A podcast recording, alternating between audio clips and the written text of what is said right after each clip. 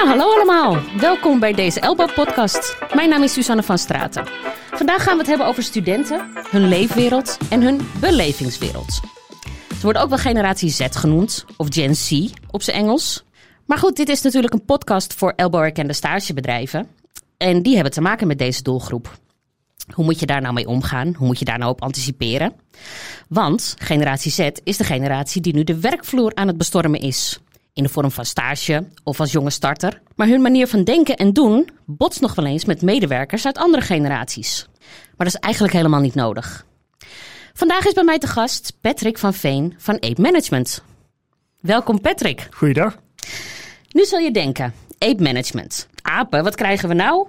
Wat heeft dat nou te maken met studenten? Of met ons als bedrijf of als stagebedrijf? Maar goed, daarom is Patrick natuurlijk hier om dat allemaal aan ons uit te leggen en ons daarin mee te nemen. Misschien handig, Patrick, als je jezelf eerst eventjes voorstelt, want dan weten we natuurlijk wie we aan tafel hebben. Nou ja, uh, Patrick van Veen, gedragsbioloog. Heel lang geleden uh, dat vak gestudeerd. Uh, daarna overigens hele andere dingen gaan doen. Ik heb een jaar of tien bij een verzekeraar gewerkt. Had niks met biologie te maken. Maar ja, ik moest ergens mijn kost verdienen. Want begin jaren negentig was het, nou ja, de arbeidsmarkt een klein beetje anders als vandaag de dag, kun je stellen. Ja. Uh, overigens na tien jaar uh, in die wereld gewerkt hebben, dacht ik van, ik vind aapjes bestuderen veel leuker en nog veel belangrijker. Ik vind mensen bestuderen nog veel leuker. Toen heb ik ook mijn eerste boek geschreven, Help mijn baas is een aap. En sindsdien hou ik me bezig met het bestuderen van mensen, apen. Uh, en dan doen we in een aantal vakgebieden, onder andere organisatiegedrag, dus gedrag op de werkvloer. Kijk, en dat is precies de reden waarom je natuurlijk bij ons in deze podcast vandaag zit. Nu begon ik mijn inleiding een beetje over generatie Z. Hè? Er wordt van over generatie Z wordt eigenlijk van alles allemaal beweerd. Uh, hè? Ze, er, worden, er worden allerlei bepaalde kenmerken aan ze toegedicht. Uh, ze vinden stabiliteit belangrijk, zijn ondernemend, ademen technologie, vinden persoonlijk contact belangrijk, zijn competitief, staan open voor verandering. Nou, en zo kunnen we nog een hele lijst afgaan met allemaal dingen die tegenwoordig aan generatie Z worden toegedicht. Als ik het aan jou vraag, als we het hebben over generatie Z, wat denk jij dat er speciaal is aan deze generatie? Zijn ze eigenlijk wel zo speciaal? Ze zijn helemaal niet speciaal. Uh, uh, misschien tot teleurstelling van een heleboel mensen. Maar kijk, één ding moeten we ons realiseren. Is dat die jongeren waar we over praten. Hè, we praten nu over jongeren in een leeftijdscategorie tussen de 18 en 25 jaar. Even zo'n beetje hè? ongeveer. Uh, kan iets ouder, kan iets jonger zijn. Maar dat is de groep waar we over praten. En het grappige is eigenlijk dat zij niet bedenken, goh, wij zijn een generatie Z. Het zijn de ouderen die bedenken, we moeten die groep een naam geven. En het bijzondere is, dat gebeurt altijd. Het zijn altijd de ouderen die bedenken, we moeten een nieuwe generatie, moeten een naampje geven. En dan moeten we ook een definitie aangeven. Want dan kunnen we ze een klein beetje beter begrijpen. Want dat is eigenlijk wat we... duwen. We willen ze vooral in een hokje en vooral labelen. Maar het bijzondere is, kenmerken die jij net noemde, ja, misschien hadden ze die ook net zo makkelijk op mij kunnen plakken toen ik 20 jaar was en ging studeren en ging werken. En ik denk dat dat wel een belangrijk gegeven is. Je moet een groot onderscheid maken tussen levensfase. En dit is een levensfase waarin je ondernemend bent, waar je onderzoekend bent, waar je ook afscheid neemt van patronen die altijd al bestaan hebben, waar je nieuwsgierig bent, waar je alles ter discussie stelt. Dat hoort bij deze levensfase. En latere levensfase, uh, nou, ik ben 52. Hè, ja, misschien zou men dit de crisisfase kunnen noemen. Hè. Alle mannen rond die leeftijd komen wel in een crisis terecht. Voor vrouwen geldt dan misschien de overgangsfase. Uh, maar Iedereen heeft in zijn leven verschillende van die fases. En ik denk dat we vooral moeten kijken wat is de levensfase waar deze doelgroep zich in bevindt. En natuurlijk zijn er hele specifieke kenmerken voor deze groep. Mm -hmm. En je noemde er natuurlijk ook wel een paar. Maar dat hangt vooral ook wel heel erg samen met hoe de omgeving verandert. De buitenwereld verandert. Het is niet zozeer die jongeren die verandert. Het is vooral de buitenwereld die heel sterk veranderd is. En daar hebben zij mee van doen. Maar ook wij iets ouderen, wij hebben daar ook mee van doen. En ja, we reageren er alleen af en toe heel anders op dan iemand van 20 reageert die 50 plus misschien daar net iets anders op. Hmm. En zou je daar een aantal voorbeelden van kunnen geven als het gaat over um, dingen die we nu misschien aan generatie Z dan toedichten, terwijl dat voor een oudere generatie misschien ook al lang al zo was? Nou ja, wat je, iets, iets wat bijvoorbeeld heel uh, sterk speelt, is dat deze generatie wil zekerheden. Uh, en het grappige is, wie wil geen zekerheden in het leven hebben? Alleen de zekerheden veranderen. Wat, wat is voor jou een zekerheid? Ja, als je iemand misschien 20 jaar of 30 jaar geleden had gevraagd, was de zekerheid een vaste baan. Mhm. Was de zekerheid een woning? Nou, laten we even reëel zijn. Die zekerheden, daar hebben de jongeren al lang afstand van genomen, omdat die ook niet te bieden zijn. En je kunt wel eens vreemd vinden dat jongeren een vaste baan niet meer misschien zoeken. Of ambiëren. Of ambiëren. Ja, maar, maar wat, wat had je anders verwacht? Want niemand biedt meer die baan aan.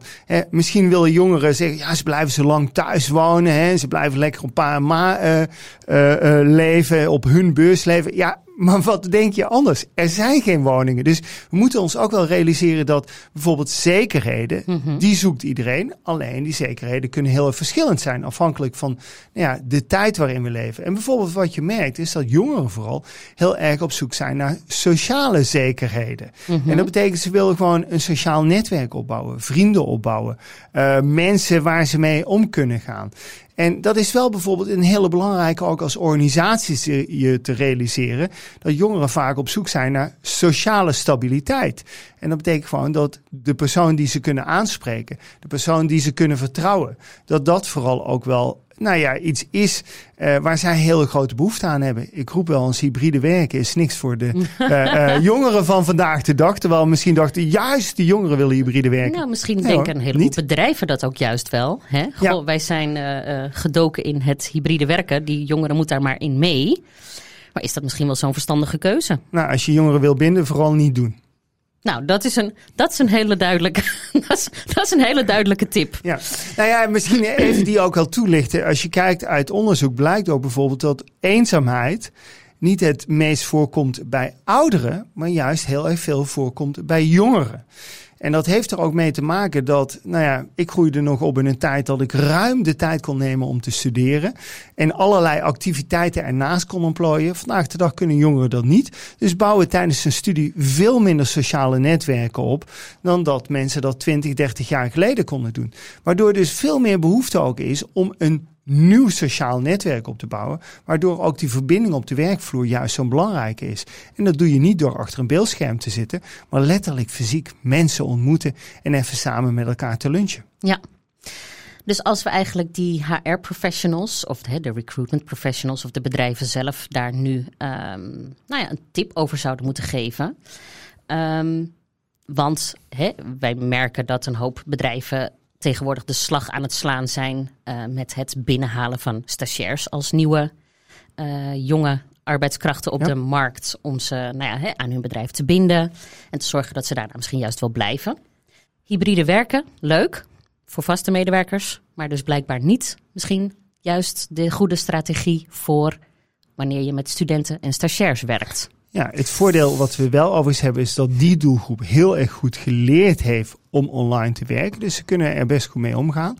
Maar het bieden van een stabiele sociale structuur, waarbij je mensen ook ontmoet, fysiek ontmoet, is wel een hele belangrijke factor waar heel veel studenten behoefte aan hebben. Ja, dus eigenlijk zou je er als bedrijf goed aan doen om goed te kijken naar wie is degene die de student gaat begeleiden. Is die zelf ook hè, veelvuldig in ieder geval op ik noem het maar even kantoor, maar kan natuurlijk ook in een andere werkomgeving zijn aanwezig.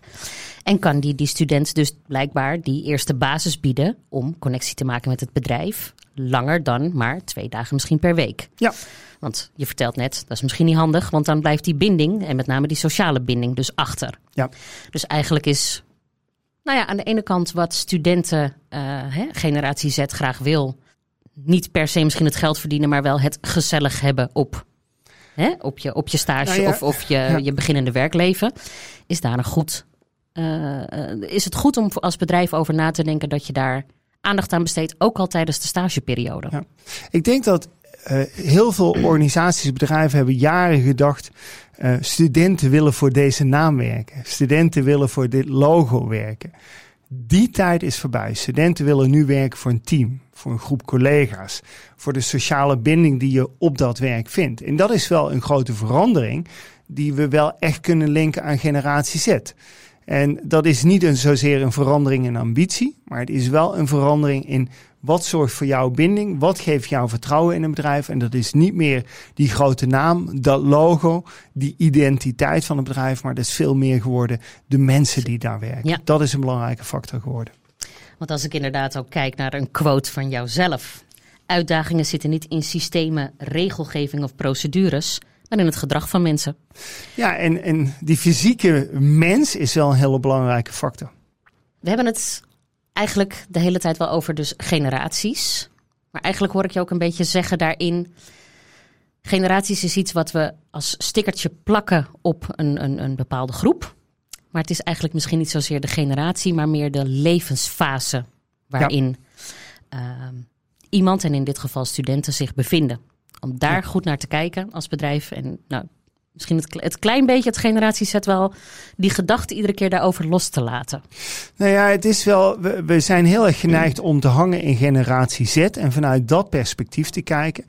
Ehm, en generatie Z is natuurlijk een factor die heel erg gekoppeld is aan deze tijd. Hè. Dat, dat zijn de mensen eh, nou ja, die, die ergens tussen jaar 0 en jaar 10 eh, werden geboren.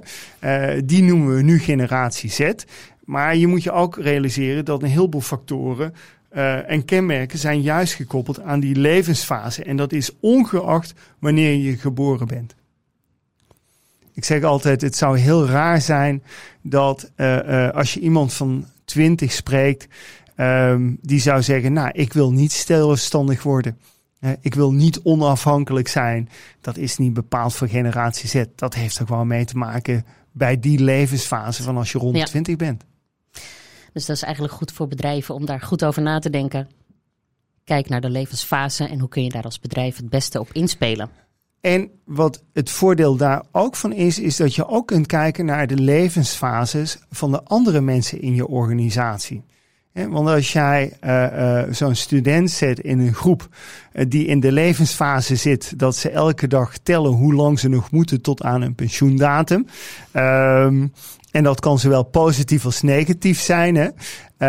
Maar dat, dat, dat is een hele andere levensfase waar die mensen zich in bevinden. Zet je mensen neer in een levensfase. ehm, zo ergens rond mensen van rond de 40, die heel erg in de carrière zitten, eh, maar ook bezig zijn op naar de top van hun, nou ja, van hun carrière te gaan. Niet alleen zakelijk, maar ook privé. Ja, die mensen zitten ook in een hele andere ontwikkeling. Dus het is ook wel goed dat studenten kennis maken met heel verschillende levensfases in zo'n organisatie. En als we nu ehm, nog eens kijken naar die apenwereld, hè? Want eh, uiteindelijk ben je natuurlijk ook gedragsbioloog. Ja. Zijn daar nog leuke parallellen te trekken waar we allerlei mooie, interessante zaken uit kunnen halen als het gaat over generaties en in dit geval natuurlijk oudere versus jongere generaties? Ja, absoluut. Een van de mooiste vind ik zelf altijd als je kijkt naar apen. Die hebben ook van die levensfases. En je bent een hele tijd ben je peuter en, en, en dan word je langzaam puber. Eh, en, en de meeste apen zoals chimpansees, die worden pas rond hun twaalfde, dertiende volwassen. En dat betekent dat ze een kwart van hun leven zijn ze gewoon eh, kind, peuter, puber. Ehm, en dat is eh, vergelijkbaar als bij mensen. We zijn ook maar driekwart van ons leven zijn we volwassen. En het mooie is, als je daar naar kijkt, dan zie je ook dat die pubers, die adolescenten, ja, die gaan ook gedrag vertonen. Die willen zich ook losmaken van de groep. Eh, die willen onafhankelijk zijn van de groep. En het mooie is dat daardoor zijn ze ook veel meer bezig met het kijken naar die buitenwereld. Ze zijn heel snel afgeleid. Maar het mooie is dat ze daardoor ook heel snel dingen leren. En het leuke is dat je bijvoorbeeld bij volwassen chimpansees ziet, die irriteren zich natuurlijk aan die lastige pubers en adolescenten. Maar ze maken er ook gebruik van. Want door hun nieuwsgierigheid, door hun onafhankelijkheid, maar ook vooral die focus op de buitenwereld, leren zij vaak nieuwe dingen die die oudjes allemaal niet meer leren. En ouderen kunnen ook nog leren, maar die hebben vaak zo'n interne focus dat ze een heleboel dingen in die buitenwereld helemaal niet zien. En wat doen chimpansees dan heel slim? Die maken gebruik van de kennis en, en die kunde van die pubers om zelf uiteindelijk als volwassenen daar ook beter van te worden. En dat vind ik altijd een hele mooie les die we ook in organisaties mee kunnen nemen. Kijk en leer dus vooral ook van de jongere generatie, hoor ik hieruit. Nou ja, kijk, wat we ons ook moeten realiseren is dat de jongere generatie in een aantal zaken echt wel veel slimmer, veel beter bezig is uh, dan die oude knar. Nou, ik mag dat woord denk ik langzaam gaan gebruiken. Um, en dat komt ook omdat zij veel meer naar die buitenwereld kijken. ze stellen vaak vragen vanuit een nieuwsgierigheid, maar ze stellen ook heel vaak vragen vanuit een expertise. En de expertise die heel veel jongeren hebben, is dat zij ook in aanraking komen met hele andere werelden. Kijk, we weten dat mensen op het moment als je ouder wordt, wordt je wereld ook steeds beperkter je wordt veel minder nieuwsgierig naar de wereld buiten je. Natuurlijk gaan we reizen en we gaan allerlei bijzondere dingen doen. Maar toch aan de andere kant wordt onze wereld steeds beperkter. En wat je ziet is dat jongeren juist het tegenovergestelde doen. Die gaan juist naar buiten kijken, die gaan reizen. Die hebben vaak een veel grotere taalontwikkeling. Die zijn ook veel meer open voor andere culturen. En dus ook veel meer een soort spons om nou ja, andere culturen op te nemen. En juist in een wereld die bijvoorbeeld ja, uh, mondialiseert, die steeds groter wordt, uh, heb je ook uiteindelijk wel dat soort vaardigheden en expertise heb je uiteindelijk nodig. En daar kun je natuurlijk gebruik van maken. Maar laten we ook reëel zijn. technologie. Wij maken nu een podcast. gebruik maken van technologie. Je ziet dat jongeren daar veel verder in ontwikkeld zijn dan toch de oudere mensen. Dus maak daar uiteindelijk ook gebruik van. Ja bind de twee werelden dus een beetje beter bij elkaar en maak er win-win situatie van. Ik zeg wel eens apen, die, die, die oudere apen, die misbruiken af en toe uh, die jongeren. Nou, dat willen we natuurlijk niet in de organisatie hebben, maar maak er vooral wel gebruik van. Ik denk dat dat wel toegestaan is. Dat denk ik ook zekers. Als we een beetje kijken naar de conclusie eigenlijk van dit gesprek. Is die jongere wel zo veranderd ten opzichte van vroeger? Eigenlijk is het antwoord daar misschien een klein beetje nee op. Niet misschien per se in behoefte. Eigenlijk is het misschien wel meer een algemene verandering in de wereld om ons heen. Heb ik die conclusie zo een beetje goed getrokken? Ja, die, die is helemaal goed getrokken, niet een beetje. En uh, je hebt daar ook gelijk in, want die wereld die verandert, daar hebben we allemaal mee te maken. Alleen wat je wel ziet is dat jongeren daar anders op anticiperen als uh, uh, ouderen. En ja, het bijzondere daarvan is uiteindelijk dat we soms vergeten dat die verandering, om die ook in een organisatie mee te trekken. En nou ja, ik, ik gaf al een paar dingen aan. Uh, de sociale verbinding is ontzettend belangrijk uh, uh, voor nou ja, een organisatie om mensen te trekken. De verandering van de arbeidsmarkt. Nou, ik begon eens mijn eigen introductie dat ik op de arbeidsmarkt kwam, waarbij een overvloed van biologen was, maar ook van een heleboel andere mensen. En uh, ja, nu is het tegenovergestelde. En dat betekent niet zozeer dat die jongeren nu opeens heel kritisch wordt. Of dat die jongeren opeens heel erg anders zou zijn met het uitzoeken van zijn baan. Nee, het is gewoon de omstandigheden waar die jongeren in opgroeit. Uh, jongeren blijven niet langer thuis wonen omdat ze dat zo gezellig vinden. Maar omdat ze er ook toe worden gedwongen. En ja, ik denk dat we dat perspectief vooral ook voor ogen moeten houden. Dat vooral de wereld is die verandert. Um, en dat die jongeren vooral anticiperen op die verandering en daar soms gebruik van maken, maar soms ook zelfs wel een klein beetje misschien slachtoffer van zijn. Dus voor bedrijven werk aan de winkel leef je dus in niet per se in generatie Z, maar meer in hun levensfase. Ik denk dat dat een ontzettend belangrijke is. Ja. En kijk vooral ook naar de wereld van die jongeren en realiseer je dat zij daar misschien wel anders in moeten anticiperen dan bij iets ouderen. Uh, maar dat je daarmee ook als organisatie kansen hebt. Hè? Want als jij een student weet te binden, te enthousiasmeren, maar vooral ook die sociale stabiliteit weet te geven. Ja, dan, dan heb je natuurlijk wel een belangrijke factor om ook de medewerker van de toekomst aan je te binden. Om hem, eh, hem of haar natuurlijk fan te maken. Daar komt het op neer. Ja. Volgens mij hebben wij zo'n mooi einde gebreid aan deze podcast, Patrick. Mag ik, jou heel hartelijk danken voor, uh, voor nu. Heel graag gedaan.